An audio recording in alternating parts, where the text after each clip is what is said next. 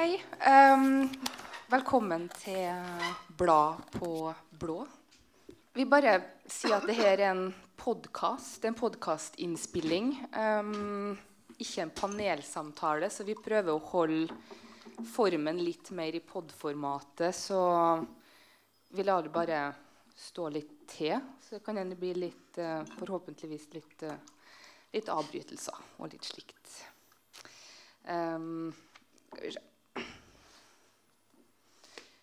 Og så er det jeg som skal lede, lede podkasten i dag for aller første gang. Vanligvis er det Jonas som er programleder. Vet det vi skal kalle det for noe. Ordstyrer. Jeg vet ikke helt hvilken tittel du skal ha. Um, så vi bytter litt roller. Hæ? Patriark. Patriark, ja. ja selvfølgelig. Selvfølgelig, Jonas. Um, ja, da setter vi bare i gang. Da var det praktiske ut av veien. Um, velkommen til, til, Bladpodden. Vi har med oss uh, Hedda Robertsen, forfatter. Uh, ut med ny bok snart, 'Rom 66' på Cappelen Dam om et par uker. Hvis jeg ikke tar helt feil. Mm, 17. februar. 17. februar. Mm. Og um, Benjamin Jastan, stipendiat ved Nordisk UiO, uh, kritiker i Klassekampen og i Blad. Jeg skal òg minne dere på, klar beskjed fra Even, at det ligger blad bak der. Det er lov å kjøpe. Eh, og eh, sidekicket i dag, Jonas, ut av isolasjon. Lektor Maier. Jeg sa at du ikke skulle kalle meg lektor. Ja, Men sånn blir det. Ja. Meier med E, ikke A. da. Ok, Meier. Lektor Meier. Um, med opprykk. jo, det er viktig. Har du det under e-posten din sånn? Nei. Usikker? Og eh, bokanmelder i NRK.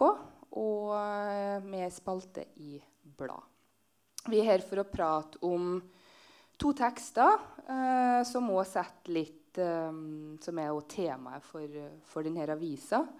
Og det er litteratur og film. Uh, Hedda og Benjamin har skrevet hver sin tekst om uh, altså Benjamin har skrevet om biroller, og Hedda har skrevet om elskerinna.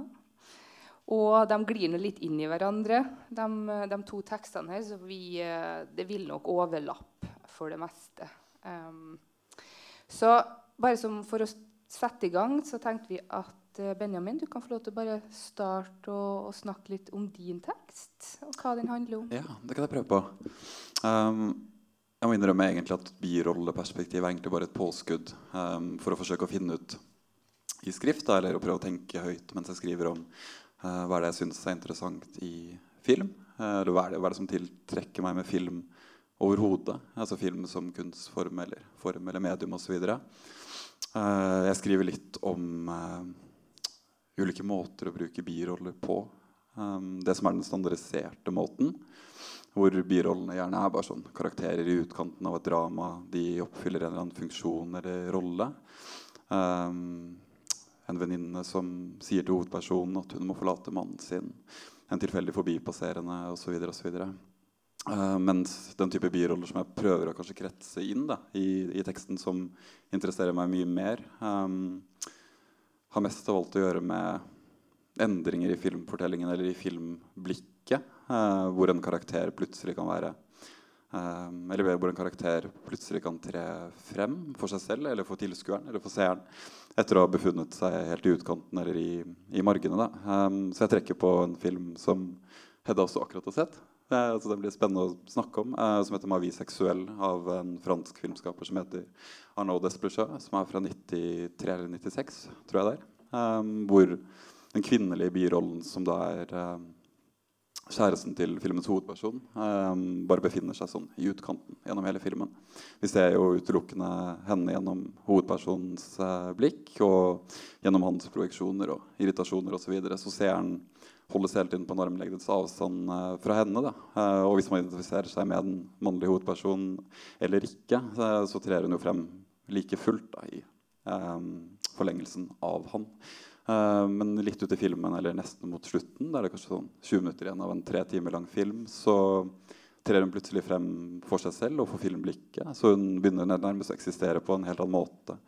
Eh, hun blir sett eh, som et helt menneske. Um, samtidig som filmen nesten sier at uh, den ikke vet den hele og fulle sannheten om henne. Så er den dobbeltheten i, i blikket på henne en avstand, men også en anerkjennelse. Um, det var egentlig det jeg kom frem til når jeg begynte å utforske den filmen. Og um, litt annet hvordan, eller i det hele tatt, hvordan film fremstiller biroller, og de filmene jeg liker som fremstiller biroller på en interessant eller litt mindre instrumentell måte. At filmen i seg selv på en måte blir en birolle. Eller at filmen kan være en birolle i verden. At filmens blikk eh, er ydmykt. Eh, streber mot å ikke kontrollere menneskene den ser på. Eh, I motsetning til ja, 90% av all film og 99% av all kommersiell film. I hvert fall. Um, alle TV-serier. Og sånn som vi har det i det virkelige liv. Til, i, mange stunder osv. Så, um, så ja, jeg kommer egentlig frem til det gjennom å skrive om birollen. Nå skal jeg snart slutte, Eirin. Det tok litt tid. Um, gjennom denne lange omveien gjennom birollene eh, at det som interesserer meg med film, eller det som gjør at jeg syns film kan være helt spesielt, da, for å si det litt enkelt, er, eh, er, når filmen blir en birolle i verden. Når den trer til side samtidig som den er der. Eh, og det paradokset ja, fascinerer meg veldig. Du sier jo det helt avslutningsvis her, altså filmen som birolle i seg sjøl. Kan du utdype, forklare? Hva mener du? Ja, um, når film er på sitt beste, um, så synes jeg filmens blikk, kamerats blikk, ser mennesker på en måte som ikke utdefinerer menneskene. Um, det kan også være det ikke-menneskelige. Tingene, uh, omverdenen i det hele tatt. Livsverden. Uh, på en måte som ikke kategoriserer, som ikke uh, iakttar og innkapsler, bestemmer, da, men en type blikk som erkjenner eller sier sanselig gjennom filmformen. At uh, det fins en rest her. Det fins noe mer. Det fins noe utømmelig, noe gåtefullt, noe vi fullt ut ikke kan forstå. Samtidig som man bestreber seg, eller filmens blikk bestreber seg på å se et helt menneske. Uh, ja, det er jo mangelvare i all kulturproduksjon i dag. Uh, men de aller fineste filmene gjør dette. Da. Jeg syns det er ja, veldig tiltalende. Ja, det fins en rest. Ja. Hva ligger i det? Noe ikke forklart. Eh, noe som ennå ikke er uttømt. Eh, noe gåtefullt. Noe som ikke kan bli beherska gjennom, eh, gjennom en filmfortelling, gjennom et blikk. Det er noe som er uforklart. Har du noen eksempler? Ja, Jeg må vise seksuell. selv, om hun, selv om Esther, da, som hun heter, som spilles av Emmanuel Devoux, kjempefin fransk skuespillerinne hun, ja, altså hun blir plutselig et såkalt helt menneske, som populærpsykologien sier det. Uh, men den hele og fulle sannheten om henne er fortsatt skjult. Ikke sant? Er, ja, hun er ikke ferdig beherska, eller ferdig fortalt. Mm. Det fins fortsatt noe der. Uh, dette noe bør filmen helst ikke definere hva er. Hedda, um, din tekst er jo ikke nødvendigvis om birollen. Mm, om kvinner med telefoner og Elskerinner. Ja. jeg har også tenkt veldig mye på biroller nå etter jeg leste Benjamins tekst. Eh, men det jeg skriver om elskerinnen, er vel også at hun ofte er en slags birolle da, i eh, på en måte samfunnet. Eh, og så er det særlig to filmer jeg skriver om der elskerinnen kanskje er hovedrollen. da. Eh, så det er særlig Erik Romers eh, ja, Nå har jeg plutselig glemt tittelen. Love, 'Love, in the Afternoon'. Fra 1972. Eh, og Louis Bunuels eh, 'Belle de Jour' fra 1967. Eh, så det er egentlig to veldig forskjellige filmskapere. Romer er kjent som ja, nybølgeregissør. Uh, har veldig samtaledrevne filmer. Eh, og veldig mange fellestrekk egentlig med Mavi seksuell, som og Benjamin snakker om. Eh, mennesker som prøver å på en måte finne ut hva de vil i livet, og hvem de vil være med. hvordan de vil leve, egentlig. så det er ikke så veldig plottdrevet, men mer sånn Eh, ja, samtaledrevet. Og, og litt sånn eh, litt sånn flat struktur. Eh, at det er Alle karakterene utspiller liksom en rolle. Det er ikke så tydelig sånn én protagonist, da. men ja, det er i hvert fall den ene. også med Bunuel Eh, så er det da Det er vel en, kanskje hans mest kjente film, eh, 'Belle med da Katrin Deneuve i hovedrollen. Eh, som spiller Severin, eh, som egentlig er en kone, eh, men eh, kjeder seg, eh, føler seg fanga eh, i ekteskap med en sånn veldig pen, ung legemann. Så hun begynner å prostituere seg. Litt sånn av nysgjerrighet. Oppsøker et bordell. Eh, og får da navnet Belle de Jour fordi hun eh, kun jobber på dagtid mellom klokka to og fem. Eh, og, og så etter det så går hun hjem og lager middag til mannen sin. Så eh, Bunuel er jo kjent for veldig sånn krass kritikk av kirke, samfunn, borgerskapet og dobbeltmoralen. Eh, men samtidig så var han visstnok veldig sånn eh, Ble beskrevet nesten som en munk eh, som la seg klokka åtte om kvelden. Det eneste som betydde noe, var arbeidet, da. Filmskapingen. Eh, og ja, kunsten. Eh, klassisk kunstmonster. Eh, så han Jeg opplever i hvert fall at i denne filmen, selv om han på en måte kritiserer eh, konsumkulturen eh, det, er, det er veldig sånn 1960-tallet med kjoler og møbler og alt. Det er veldig sånn tidstypisk. Eh, men det er også veldig sånn en nytelse i materialene og overflatene. Og den er veldig sånn detaljfokusert. Eh, det er litt sånn veldig vekt på ritualer. Eh, møbler. Eh, farger. Så det er veldig mye skjønnhet i den filmen. Eh, ja. Skulle du si noe? Nei, Jeg bare nikker anerkjennende. Jeg er så veldig glad i Ja. Belle. Um, jeg bare tenkte på en parallell mellom Romer og Bonuel på den måten. Um, jeg leste om Romer at han um, han var gift hele livet, han var jo konservativ katolikk. Uh, det, det skulle man på en måte ikke fått inntrykk av når man ser filmene hans. Det, uh, i det hele tatt. Um, men han, uh, da han lå på dødsleiet rett før han, rett før han døde, så uh, skulle kona komme og besøke, besøke han. og Hun satt og våket over han, og så var det første gangen da, gjennom 16, ja, over 60 år lang karriere at hun møtte noen av de han jobbet med.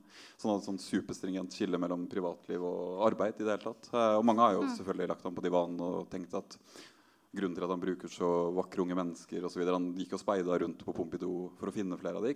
Um, at han levde ut fantasiene i filmene. Uh, og det er det navet som går gjennom veldig mye hos Romer, som du også skriver kjempefint om. da, at um, det er en venting på at noe, som skal, noe skal skje. da, Ofte. ikke sant? Og det er fortolkningsmareritter. altså Jeg tenker på Romers filmer som ikke forviklingskomedie, men fortolkningsmareritt. på en måte, Eller fortolkningstragedier. Det er ideer om kjærligheten, uh, regler for livet osv. som tar helt overhånd hos veldig mange karakterene. Og det blir gjerne deres tragedie. Eh, 'Gresset er grønnere på den andre siden', maksimer hele tiden. Men Romer har et blikk på dem da, på en måte som er veldig annerledes enn karakterene har et blikk på seg selv. Eh, er det noe du Jeg var litt nysgjerrig på det. Hva tenker du om liksom Romers blikk kontra karakterenes blikk på seg selv?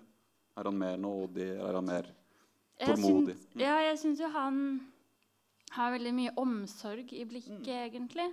Eh, så det er jo mange karakterer som er litt sånn eh, desperate.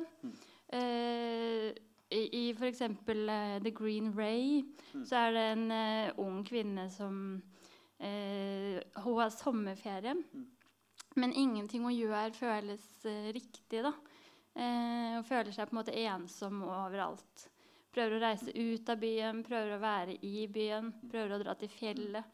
Eh, og jeg føler vel at hans blikk på henne er jo mye mer eh, omsorgsfullt da, enn det hun klarer eh, å gi seg selv.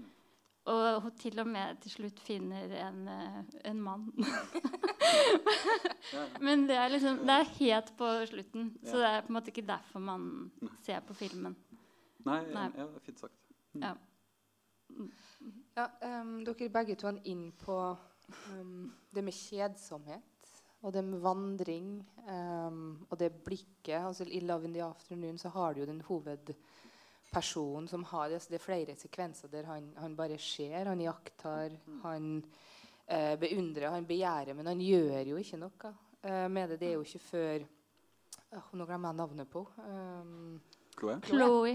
Chloé. um, kommer til byen og vandrer inn på kontoret hans, at han, han, han begynner å, å tenke på at det er noe han kan gjøre. Men selv da Mm. um, blir det jo bare med. Altså, vi kan, om du kan kalle det en lek, eller hva du nå har lyst til å, å kalle det, eller om de kjeder seg sammen. Du nevner jo i teksten din at det er uutholdelige timene mellom eh, to, og, to og fire på ettermiddagen, og i Belle du Jour åpenbart mellom, mellom to og fem. Mm. Um, og det ligger noe der. da, Hva skal du fylle? Altså, hvor, hvor ligger meninga, sånn som du sier? Nevner i sistnevnte filmer òg. Altså, um, vi gjør ingenting riktig, men hva er riktig? Hva, hvorfor er det slik at når du får en pause i tilværelsen som en ferie faktisk er, det er jo et åpent rom du kan få velge å fylle, for du har ikke forpliktelser lenger. Og det samme er det jo kanskje med ettermiddagen mellom arbeid eh, før du kommer hjem. Altså, du har noen sånne åpne rom der. Da, og hva, hva er det som faktisk er mening? Um, kan det å bare være um, Det å bare begjære, f.eks., være mening? Det, kan det være det? Altså blikket, det, den aktiviteten du bare gjør, eller de samtalene de har, er det en, er det en form for mening? Mm. Eh, Det er litt sånn interessant i akkurat 'Love in the Afternoon', fordi eh, hva Fredrik eh, jobber med, det, Det blir ikke. aldri klart for meg. Altså, han er på et kontor, og han har eh, sekretærer. Han har den her eh, litt sånn klassiske rutinen med at han bor i provinsen. Eh, der han har kone og barn. Eh, og så drar han inn til byen, og vi ser han liksom i undergrunnen, på gatene, i kafeer. Han eh, går og handler for å bare sånn gjøre et eller annet. Prøver skjorter. Eh, flørte litt med salgsdama. Og, og veldig mye er bare fantasi, da.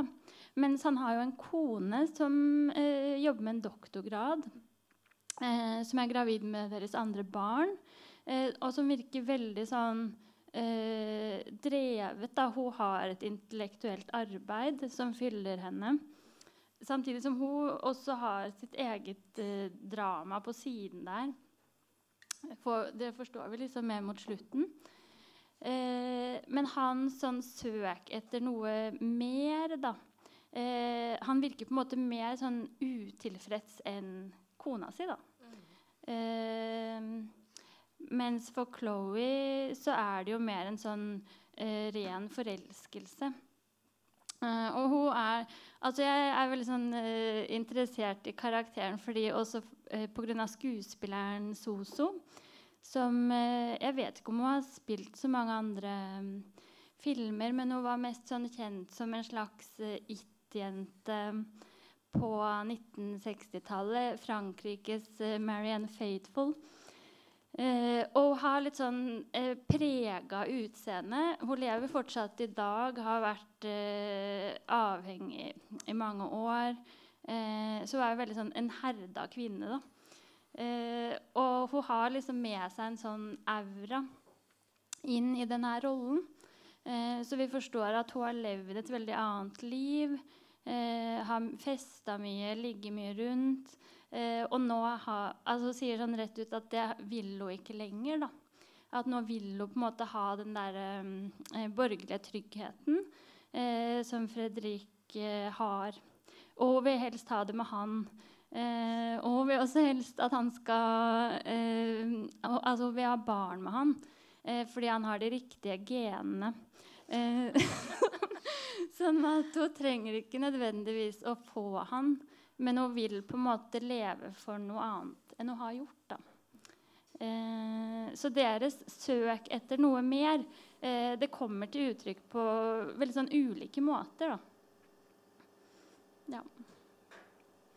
Jeg vet ikke om du vil tilføye noe, Benjamin? her. Men, Nei, eh, jeg tror egentlig ikke det er noe tilføye til den filmen. Det er, litt, eh, det er en spoiler, da, men det er kanskje ikke så mye å si. Men eh, han blir jo hos kona til slutt. Ja, Eh, det er og det er liksom Romers moral, da, ofte, ironisk nok. altså, det er jo en fantastisk sluttscene når han sniker seg ut der. Kommer med en monstera, og så bare Ja. setter den fra seg og slår på vasken, og så bare sniker han seg ut mens hun ligger klar og venter på at han skal komme og gi Ja. henne et barn. Uh, skal vi se um, Du sier jo i din tekst, Benjamin, at um, biroller er påskudd for å drive handlinga framover. Så jeg tenkte jeg skulle la deg kommentere på det, men òg gjerne um, hvis vi kommer til det, eller om vi kommer til det, um, så, si, oi, sant, så sier du jo um, på et tidspunkt her, f.eks. i Trier sin film 'I verdens verste menneske', og at er en film som bare består av biroller. Uh, ja, vi kan Det var jeg ikke også nysgjerrig på. Ja. Ja. Ja, jeg skal prøve det. Jeg vet ikke helt hva jeg mente, men jeg kan prøve å finne ut av det her og nå. Um, jo, altså med den filmen da, um, så er jo for det første hovedkarakteren i Julies permanente følelse av å være en birolle i sitt eget liv, da, eller birolle i verden. Det er jo Trie snakket en del om og så videre også, um, intensjonen bak filmen. Men um, selv om det ikke er en feilfri film, da, um, så gjør den noe veldig riktig i at den klarer å stille karakterene sine liv i relieff mot hverandre. Um, jeg sier ikke at han gjør det like godt som henne. Uh, og jeg får en assosiasjon til hva Virginia Woolf klarer da, med de aller beste romanene sine. At man ser at det som for en sakket stund eller i et ekstatisk øyeblikk um, er et helt livs fylde. Uh, I det andre øyeblikket er fullstendig forbigått av et av de andre menneskene. ikke sant? Uh, så måten, glir, måten blikket, da, um, om det så er i litteratur eller i film, glir inn og ut av noe som plutselig kan være et helt liv i et øyeblikk og helt uvesentlig i det andre. ikke sant? Um, så det syns jeg den filmen gjør, eh, gjør interessant. Romer også, eh, for så vidt.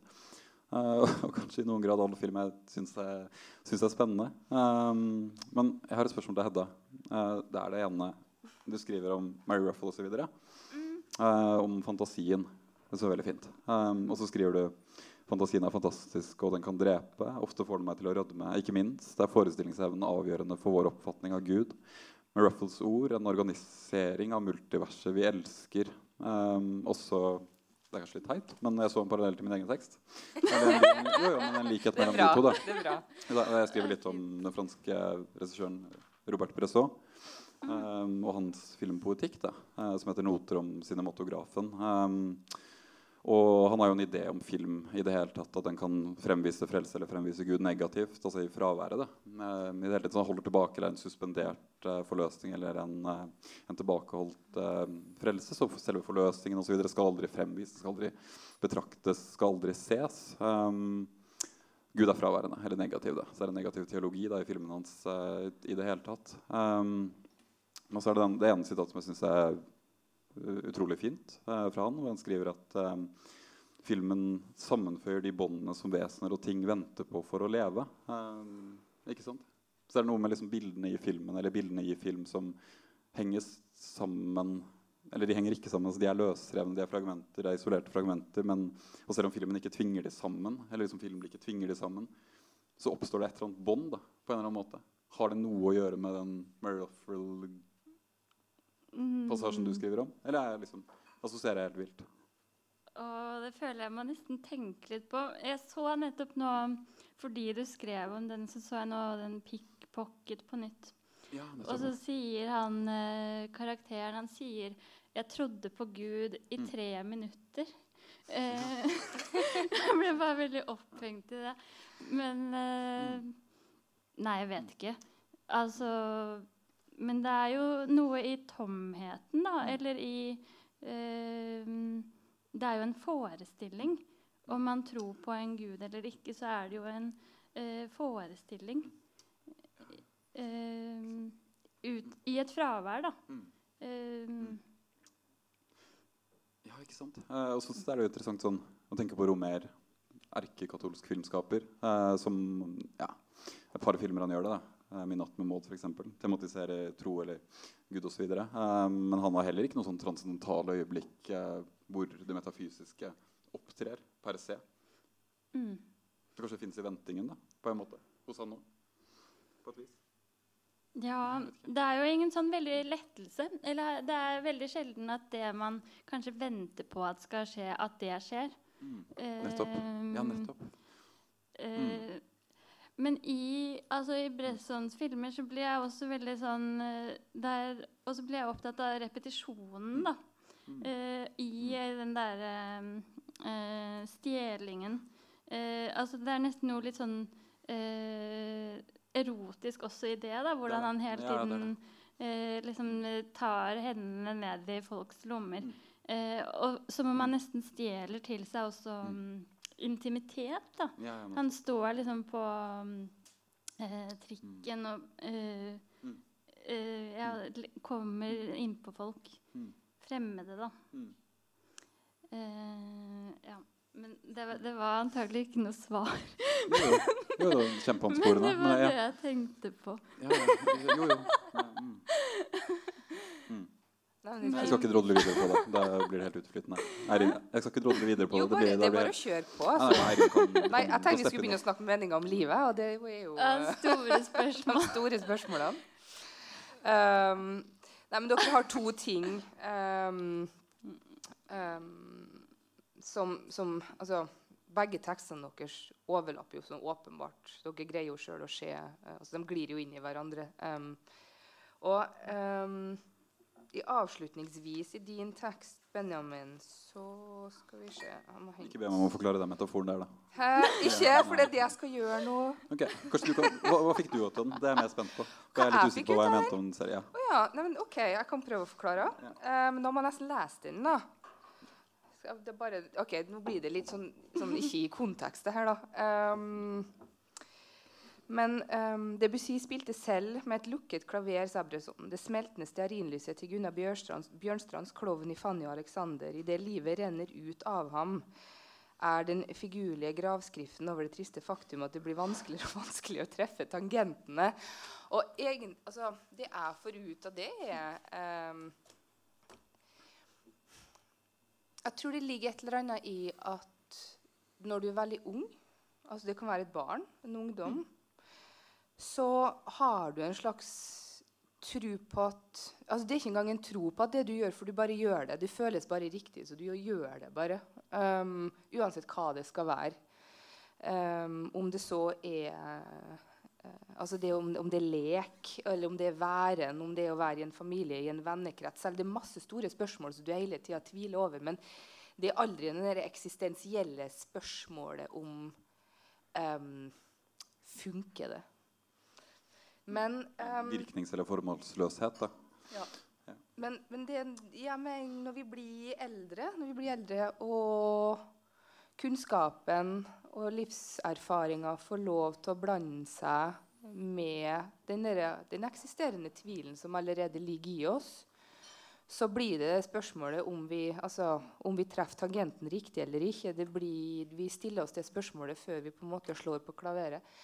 Um, må jeg få lov til å dra metaforen Ja, er videre? Ja. Men det er det, det, er det, det, er det som slo meg i, i den. Og, og da er vi tilbake med det å finne mening i ting. Um, Og som du ser i Romer sine filmer, eksempel, så, så er det jo mye av de samtalene som foregår Nå greier jo ikke jeg å gjenfortelle dem, for de er jo veldig, altså det er jo tunge, store samtaler. Men her er det jo mennesker som er, som blir også nevnt i tekstene deres, som er de er til, til enhver tid satt på sånne veldig vakre plasser, om det så er i Paris eller om det er i eh, um, Alpene um, osv. Også på grensa til Italia, eller hva det nå skal være. da, det er sånne veldig flotte, pittoreske plasser. Og um, veldig få mennesker, de sitter og prater. Eh, og det er åpenbart at det er mennesker med mye kunnskap òg, og de sitter og, og funderer over, over de her spørsmålene og prøve å finne mening i hva det er de gjør. Da. Og vi er jo kommet inn på 60-tallet, ikke sant? 60- og 70-tallet, så vi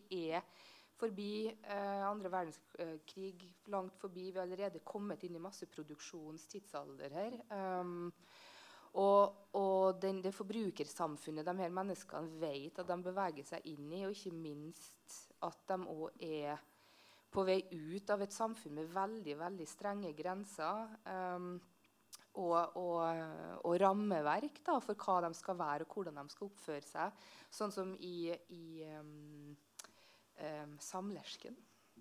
så får jo den kvinnekarakteren der hun, jo, hun samler jo på menn, mens han samler på vaser. ikke sant? Og det ville jo ikke vært godtatt bare noen tiår tidligere.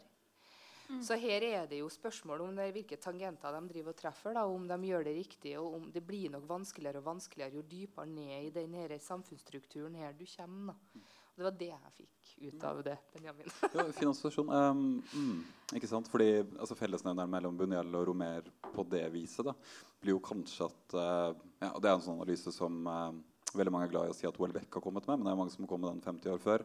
Altså Nyere seksuell frihet og frigjøring leder bare til ny tvang osv. Um, og det, altså, det provokative og interessante med Belle er jo at hennes frigjøring består jo i å prostituere seg. ikke sant? Mm. Altså, det en tvetydighet i det. Fordi akkurat som du sier Det altså, det er en kjempestor liksom, eros, en sanselig glede i det hun gjør, i omgivelsene, i tingene, det rent materielle, fysiske osv. Mm. Eh, samtidig som man aner liksom, muligheten for at dette kanskje bare er en ny lammelse. Det er et nytt rituale Mm. eh, som erstatter gamle riter. Um, men det er den dobbeltheten der. ikke sant? Mm. Og Der er Buñuel mer direkte provokativ. Eh, men åpenhet, lukkenhet, lukkethet-aksen, eh, sånn som i Den grønne solstrålen, som du også nevnte, eh, hvor hun befinner seg i sommeren. da.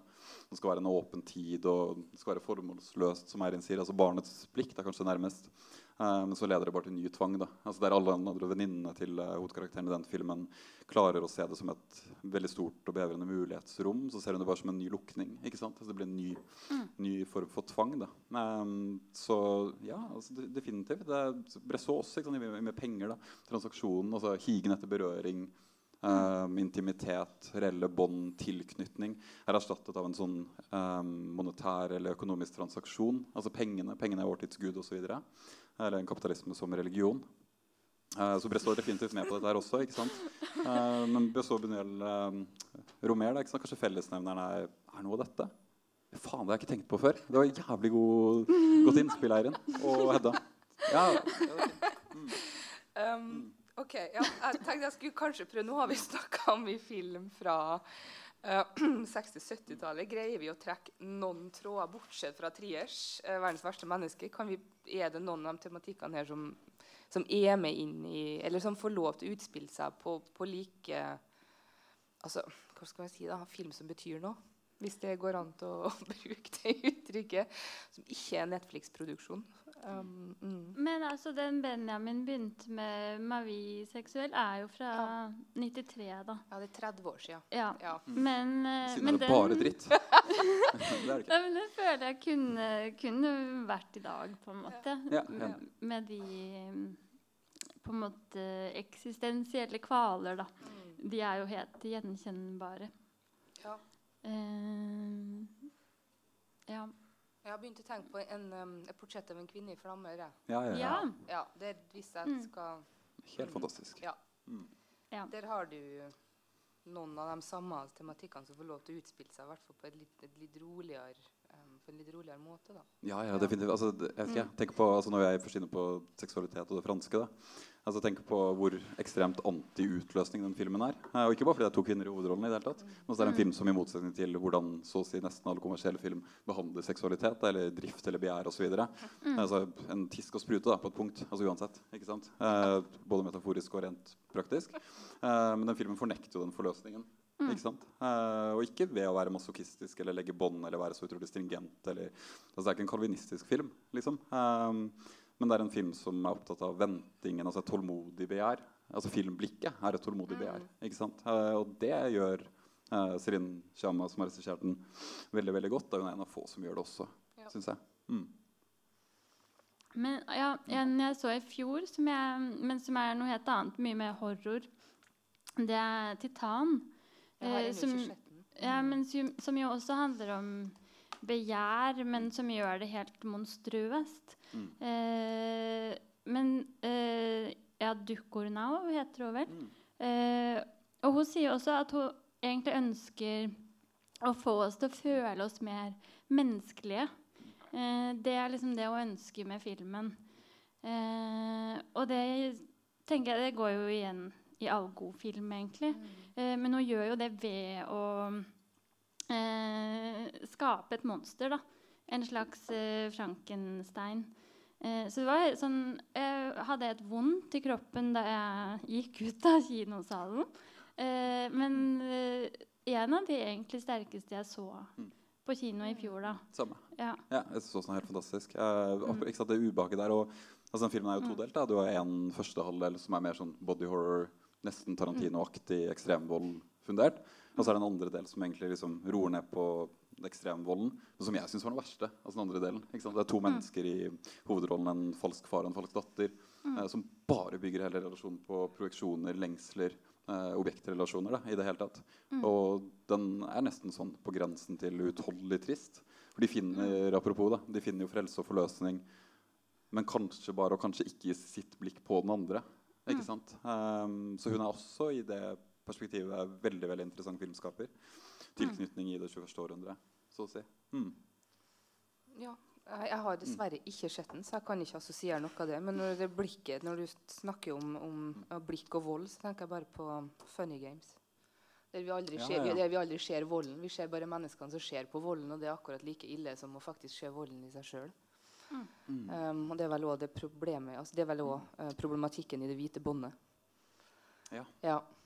Der, eh, der, der volden og Eller fascismen da, er jo en sånn ikke uttalt ting, men den får lov til å utspille seg i alle relasjoner mellom mennesker.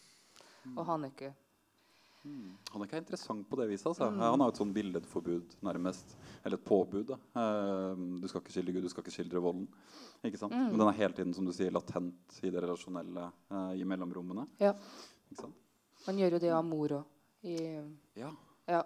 Og det er jo, er jo, selv om det er en film om sykdom, så er det jo egentlig en veldig voldelig film. For det tar jo for seg måte menneskets forfall på den Kanskje en av altså virkelige um, av, altså det, Den går så tett inn på et sykdomsforløp og på et forfall som filmer veldig veldig sjelden gjør. Som, um, der helsepersonell har påpekt at dette er den mest realistiske fremstillinga av et forfall en har, har sett. faktisk. Så det, er- sånn sett så gjør en jo noe riktig der. Um, vi tenker at jeg tenker vi begynner å bevege oss litt sånn imot slutten. Så vi skal Det er um, eh, vi, skal, vi har ett kommersielt spørsmål fra min side. Og så skal Jonas få lov til å, å, å, å komme med et spørsmål som vi, vet ikke, vi ikke vet noe om. Uh, så siden vi har snakka veldig mye om, om biroller og elskerinner, så da skal dere få lov til å nevne favorittbirolle. Og så forklare hvorfor. Ikke favorittelskerinne. Det òg, det òg. For all del, kjør på. Er de ikke enige om det samme? Var vi det vi kom fram til? Nei, nei, det var omvendte poeng hos Hedda. De blir gjort til hovedroller. Og det er det som gjør filmen så bra. Men eh, ja, nå har jeg tenkt utrolig mye på videoer. Men eh, en jeg har tenkt på, er eh, Agnes Varda. Uh, Sykt sammentreff. Jeg har liksom Varda også som beste birolle. Faktisk. Ja. Sorry, kjør på. Og blir det samme filmen? men, nei, men jeg har tenkt mer sånn alle hennes filmer. Fordi hun går inn i dem selv. Eh, og hun er jo en observatør. Eh, som mest av alt er opptatt av å se, på en måte. Og ja, hun har bare så fin tilstedeværelse. Og humor og letthet og alt mulig. Omsorg. Eh, så ja, jeg tenkte på henne. Og hun har også mange filmer som er på en måte ikke protagonistdrevet. Eh, sånn som 'Lions Love', som er en litt sånn hippiefilm om et eh, kjærlighetstriangel. Eh, og der er det jo alle Det er kollektivt, da. Eh, ja. Så det går igjen i hennes filmer, egentlig. Ja, favoritt, Favorittbirollen min i Agnes Varda sin film eh, som heter 'Vagabond' fra 1986 Ja. med en veldig ung Sandrine Bonnaire. Eh, som handler om en omreisende, omflakkende kvinne. Så den har jo også en sånn eh, veldig interessant kjønnspolitisk agenda, da, i og med at den skildrer en eh, drifter eh, som ikke er en mann. eh, ikke sant? Så den bryter med den tradisjonen. Altså vaganten, som gjerne er koda maskulint. Hun er omreisende, hun reiser rundt på den franske landsbygda og er liksom selvberga osv. Eh, og så er det et, um, en scene mot slutten av filmen hvor hun søker ly hjemme hos en um, mann som antakeligvis gir seksuell informasjon, og sånn, men antakeligvis fra Nord-Afrika eller Maghreb. Og så uh, snakker de ikke særlig sammen, men han gir henne noe å drikke. Eller jeg tror det er et glass vann. eller jeg husker ikke akkurat nå. Um, og så plutselig så fester Agnes Varda kameraet uh, bare på ansiktet hans, og så forstummer han. Altså På den ene siden så kunne man tenke at dette er liksom en reproduksjon av orientalistiske troper. og Den arabiske mannen kan ikke snakke, bla, bla, bla. Men, men er, sånn som jeg ser den scenen, da, så er det mer ja, akkurat det som jeg snakket om innledningsvis. da. Eh, altså At det er en rest, noe gåtefullt, noe uforklarlig. Eh, det finnes hundre lag av liksom, politiske diskurser og ulike tanker man kan lese den scenen inn i. Eh, han får ikke tale fordi han ikke får tale i samfunnet for øvrig osv. Uh, men sånn som jeg ser det, så nettopp som Hedda sier, altså en omsorg eller en empati. Da. filmen tvinger han heller ikke til å tale. Han kan få lov til å være stum. Han kan bare få lov til å være der. Han kan få lov til å vente. så det er en birolle jeg liker veldig godt. han er bare med i ja, ett minutt, da. Kanskje. Ja. Jonas? Ja. Jeg, jeg vil trekke fram en uh, film fra da jeg var ung, som heter 'Frida med hjertet i hånden'. Hvor Frida er forelsket i Jeg vet ikke, husker ikke om det er to, tre, fire gutter. Og så fører hun sånn dagbok uh, og gir dem score og sånn. Og så er det en av de som spiller piano, og så gjør han sånn.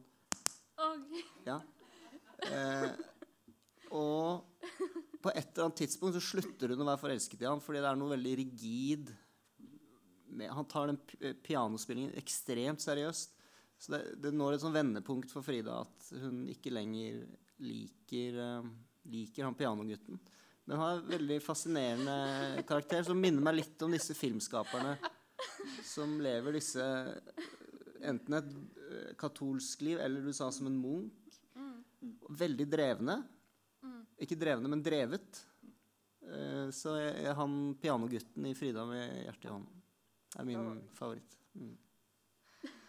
ok. Kanskje det egentlig er en norsk romerfilm? 'Frida med hjertet i hånden'? Det er en interessant nylesning, faktisk. Mm. Det var en fin favoritt. Mm. Takk. Mm. ok. Vi har ei Vanligvis så har vi, vi har, Eller den er ny altså vi har en liten nyinnført spalte som, uh, der jeg vanligvis uh, stiller panelet et, uh, et, spørsmål de ikke har fått i forkant. Um, men siden jeg leder i dag, så har vi bytta roller. Og i dag er det Og det her har han valgt sjøl. Seier for Meyer. Så Jonas, vær så god. Ja. Først må jeg si det, det var veldig gøy å lese tekstene deres og høre på samtalen. Det åpner en verden for meg som jeg har tatt noen skritt inn i, og så har jeg trukket meg tilbake. Men jeg så 20 minutter i går av en av disse franske filmene. Eh, jeg har veldig dårlig stamina når jeg ser filmer. Jeg sovner fort eller eh, mister interesse. Så jeg må helst i en kinosal, for da er du, liksom, da er du der. Men øh, det er mye Det vekker en del sånn lyst, inspirasjon og mulighet. Så det er gøy å høre på. Og en enorm kunnskap dere har om rare, gamle filmer. Altså, det er jo veldig spesielt eh, faktisk. For en ting jeg sitter og lurer på, er Ser dere ikke Hollywood-filmer, f.eks.? Det vet jeg at dere gjør også. Men eh, her er mine to spørsmål til dere. Takk for eh, deres eh, tenkning om dette. her. Første spørsmål. Vet dere hva ordet kjedsomhet er på fransk? Nei, jeg kan ikke fransk. Nei? Vet du? Har det et eller annet å gjøre med acedi? Nei. Med? Nei, acedi? Altså Arcadia? Fra latin? Nei. Nei. Nei. Ble jeg usikker òg. Det er lede, da. Kunne. Men er det ikke NUI? NUI? NUI ja. Det er, det noen i ja, publikum? det er mer, ja, Går ikke det med på liksom borende tomhet? En, ja, det er noen som kan bedre fransk enn noen av oss her. Da. NUI. NUI. Mm. Eh, spørsmål nummer to. Um, dette er en spoiler-alert, så vi, de som ikke har sett siste James Bond-filmen, mm. bør uh, holde for ørene hvis du ikke vil vite noe ga ganske sykt. Uh, har dere sett den? Ja, ja, ja absolutt. Ok, Hva syns dere om at James Bond dør i siste film Ja. i en svær eksplosjon? Og han dør. Jeg syns det var helt grusomt. Altså, Jeg begynte å gråte. Ja, det gjorde jeg òg. Jeg greide ikke å la være. Begynte å grine. Jeg gråt, jeg også. Det, det, Litt, skal, det skal ikke skje. Nei? Jeg er ingen problem med å innrømme. Jeg satt på Frogner kino på sånne Ja. forferdelige seter som de har bestemt seg for å um, plassere Ja, i jeg var og så kinosalen den med lillebror, og Ja. det, det ødela kvelden. Ja. Det var helt, det var helt uventa, da. Eh, For James Bond skal liksom gi en god følelse, syns jeg. Og Da jeg leste en som skrev at det er en redning for James Bond-franchisen. Og til deg, Benjamin, som jobber jo med Walter Benjamin i, på universitetet. Kan, kan denne eh, Når vi nå venter på en ny James Vi vet jo ikke hva som vil skje med James Bond. Kan man si at det er en slags messiansk tilstand i Benjamins forstand, men eh, men en slags forf eller en, en falsk skinn av en messiansk tilstand for, for å lede forbrukerne inn i en sånn så, eh, I og med Adorno, da. Altså Gi en falsk benjaminsk messian Nå høres det ut som jeg tuller, men jeg, jeg gjør det Han tuller ikke, han tuller ikke. Ja. Kan, kan jeg være inne på noe her? Ja, hvor lang, hvor lang tid har vi? holdt. Men uh, mm.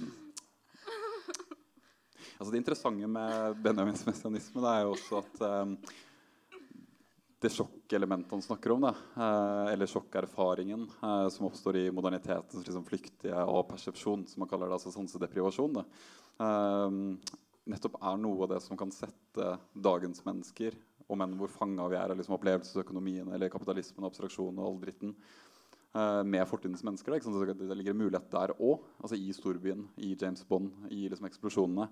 Um, altså det er veldig lett å tenke seg hva Adorno ville ha sagt om James Bond. Synes det er helt, helt jævlig, selvfølgelig. Kanskje en viss glede over liksom, at han dør til slutt. da. Men det, det var mer, mer interessant, mer interessant det du, altså, enda mer, ja, det er enda mer interessant det du sier innledningsvis om at de har tatt livet av James Bond. Fins det en eller annen sånn litt patetisk, men også litt interessant metakommentar til nå, nå dør James Bond, nå er det over, liksom? Den gode, gamle patriarkalske kapitalismen er ferdig. Han kan ikke redde dagen lenger. Ja, det kan jo være en kommentar. Ja. Ja, det kan Men være er det ikke sånn at en kvinne skal ta over, eller hva er planen? Jeg Var, håper ikke, ikke det. var det ikke, sa de ikke at uh, altså, De nevnte vel et eller annet i, i retning av at uh, James Bond var det, det er en mannlig karakter, og det må bare forbli Ja. mannlig. Og hvis kvinner vil ha en kvinnelig James Bond, så får de lage sin egen, oh, ja. egen får lage sin egen versjon. Kvinnene får lage sin. Ja, Mennene får lage sin. Separer dem. Det er jo alt det litt sånn erkebritiske. Ja. Men, eh, men eh, ja ehm, Messianisme jo, men- nei, men- for å svare på det. da. Eh, Ja. Nei. Nei. Nei, okay. Det er ikke, Men for jeg har, nei, savnet litt, jeg har savnet litt selvtillit i de siste James Bond-filmene. Det er vel egentlig det. Så at de må Ja. kanskje stå litt mer for det patriarkalske. Ja, en, jo, men de kan Hvis du driver og unnskylder og sånn, så blir det jo ikke um, der, Ja, det er jo billig saksinnlegg. Du syns han ble litt blitt- soft? ja. Eller de prøver å tette alle hull og være liksom Ja. Men Så jeg er litt skeptisk til det. Det er morsomt med Romer eller Bressot James Bond, egentlig. Altså, bare, ja, kanskje. Ja. Eller Titan James Bond. Det hadde vært kult. Hadde du noe mer på um, Nei. Nei. Da sier vi uh, takk for oss, om dere Men ja, vi, selvfølgelig. Uh, spørsmål fra salen. Det må vi ikke glemme. Er det noen som uh, har noen tanker? Nei. Nei, nei. Så greit. Da sier vi det. Takk for uh, samtalen, Hedda og Benjamin, og spørsmålet, Jonas. Takk. Takk for at du er med. Mm.